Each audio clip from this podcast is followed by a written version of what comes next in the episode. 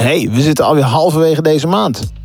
Dus het is weer tijd geworden voor een korte in-between. Oftewel, even een korte verdieping over een lesgeefonderwerp. Tja, dat kan soms heel praktisch achter het instrument zijn. En maar ook soms wat filosofisch over ideeën of concepten. Ja, je kunt het ook hardop nadenken noemen natuurlijk. Maar het is vooral bedoeld om even te prikkelen, een beetje te kietelen of te inspireren. Laat je ons even weten wat je ervan vindt. Dat kan via overmuziekles.gmail.com. Dankjewel voor het luisteren alvast en veel plezier. Dag! De podcast met Joost en. Oké, wel vaker heb ik eh, laten weten dat ik ontzettend fan ben van onder andere de Vibrant Music Teaching Podcast. En ehm, dat zijn allerlei leuke onderwerpen over lesgeven. Ehm, maar deze bleef langer hangen dan anders. Dus ik dacht, hier moet ik iets mee. Ik wil het even delen met jullie. En daarvoor is deze in-between natuurlijk heel handig. Want ik hou het lekker fijn, compact en heel klein en afgerond. Ehm, deze aflevering van de Vibrant Teaching Podcast ging over side reading van bladlezen. Niet op ritmisch vlak, maar op melodisch vlak. En die visie die bleef eigenlijk wel heel mooi hangen. Ook omdat het een, nou ja, in elk een hele andere benadering is als hoe ik daar vroeger mee begonnen ben. Ehm, wat zij vertellen is dat zij eh, het side reading bij hun leerlingen eigenlijk in vijf stappen doen. Ze beginnen heel erg met scanning en tracking. Nou, dat is natuurlijk ja, dat, heel erg logisch. Waar begin je met een leerling? Je ziet een noot op papier staan, die probeer je te vinden. Ik stel me dan altijd voor hoe dat dan bij de xylofoon of marimba werkt. Ehm, en je ziet een noot, het is een D. En je speelt een D, maar je moet eerst de D opzoeken. Ehm, en vervolgens moet je weer terug met je ogen naar de bladmuziek. En je denkt, waar stond die D nou? Ik ben even kwijt waar ik gebleven ben. Dus lezen op zeker een, eh, een groot instrument zoals marimba of xylofoon is best wel ingewikkeld. En dan hebben we ook nog het ding dat, ehm, dat wij als ervaren spelers eigenlijk ook nog iets vooruit lezen. Dus wij lezen, we hebben de D al gelezen terwijl we die nog moeten spelen. We zitten echt met ons ogen eigenlijk op een andere plek als waar we aan het spelen zijn. Dan hebben we ook nog het dingetje dat beginners heel vaak lezen in blokjes. Bijvoorbeeld eh da da en dan spelen ze da da. Maar niet echt in een vloeiende lijn. Het is, een beetje hak op de tak. Nou, het begin is natuurlijk altijd lastig.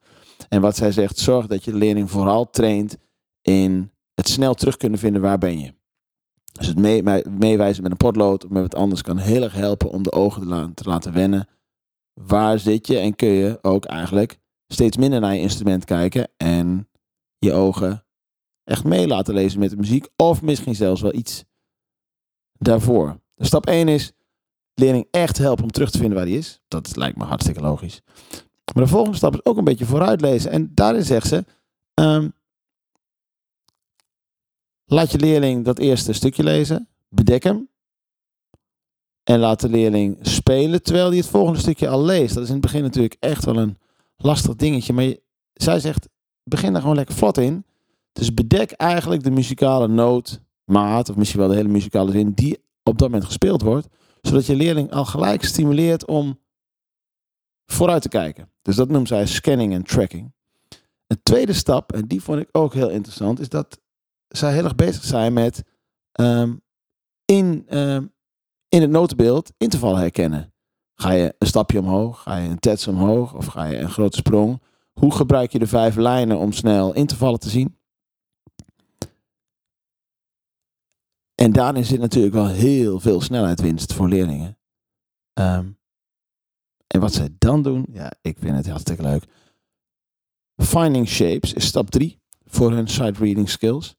Ehm, en het gaat over de herkennen van de richting van de melodie. Gaat hij omhoog of gaat hij omlaag? En ze gebruiken daarvoor eh, doorzichtig papier of wat dun printerpapier of nou, iets waar je de noten goed door kunt zien. Die leg je erop. Je laat de leerling gewoon lekker creatief van noot naar noot een eh, mooie lijntekening maken. En daar ontstaat dus een soort melodielijn. Iets wat omhoog gaat of naar beneden gaat. En ze gaan die lijn proberen te zingen. Niet als in perfecte noten met eh, kruisen en mollen, dat soort dingen. Maar eigenlijk gewoon als een sirene. Geen goed of fout, maar gewoon zorgen dat de leerling echt door de noten heen gaat kijken van... Wat, wat gebeurt hier nou? Welke kant gaat hij op? Ehm, wanneer zijn noten snel achter elkaar? Wanneer zijn ze wat langzamer? Dat soort dingen. En eigenlijk daarna pas gaan ze echt fanatiek met notenames aan de slag. Natuurlijk is dat wel heel belangrijk, zegt ze. Ehm, maar scanning en tracking, intervals, finding shapes, dat geeft ze eigenlijk voorrang altijd. En natuurlijk is dat wel verweven met notenames, maar op een gegeven moment gaan ze er echt een spel van maken in deze stap 4. Ook eh, bijvoorbeeld een 60 second challenge, hoeveel noten je snel kunt herkennen in die 60 seconden, allerlei spelletjes, dat soort dingen. Ehm, maar wat hierachter zit, en daar geloof ik misschien wel een beetje in. Ze zegt als je te snel met notennamen begint en daar heel erg op hamert, dan wordt dat iets wat altijd prioriteit krijgt in het leerlingshoofd. Ehm, want op school werkt ook alles met letters en dat is heel herkenbaar. Maar als je juist gaat inzetten op intervallen zien en logica in de noten, ehm, dan zit daar veel meer snelheid. En dan komen we daarmee ook gelijk al op het puntje 5, wat zij anti-perfectionism noemt, oftewel um, fouten maken mag, in mijn vertaling.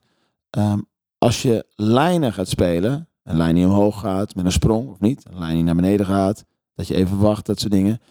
Ehm, daarmee wordt het minder belangrijk om precies alle noten te spelen, maar je gaat veel meer muziek maken. Waarbij zij ook zegt van ga lekker veel improviseren en probeer de leerling te stimuleren in lijnen en intervallen te, intervallen te gebruiken. Ehm, en ga niet alleen maar over noten nadenken. En dat was precies denk ik wat bij mij eh, bleef hangen. Want ehm, als ik terugdenk naar vroeger was, ging het eigenlijk alleen maar over noten. En juist al die andere dingen rondom de notennamen, die zijn super interessant. Waardoor het een soort volk van kennis wordt eh, die leerling heel veel kan helpen. Dus even tot slot, heel kort. Stap 1 voor hun, scanning en tracking. Dus leer de leerling eigenlijk de ogen te sturen. Waar moet je zijn? Wat gaat er komen? Stap 2, intervals. Het zien van sprongetjes. Of niet, kan natuurlijk ook. Ehm, finding shapes. Dus benader het ook op een creatieve manier. Eh, geef de leerling ook eens even een, een potlood en een blaadje in plaats van alleen maar de mallets. Ehm, dan pas notenames. Uiteindelijk is het hartstikke belangrijk, maar zorg dat de leerling dat niet als prioriteit 1 gaat zien. Ehm, en anti-perfectionism zorgt dat de lijnen gaan spelen, mooie muziek. En eh, dan komen al die noten vanzelf. Nou, ik hoop dat het net zo blijft hangen als eh, dat het bij mij deed. Als je denkt van ja, ja, maar Joost, jij vertelt dat helemaal niet leuk. Want de Private Music Teaching Podcast die vertelt dat veel leuker. Dan snap ik dat. Want zo werkt het bij mij ook. Anyway, eh, hele fijne dag. En tot de volgende. De podcast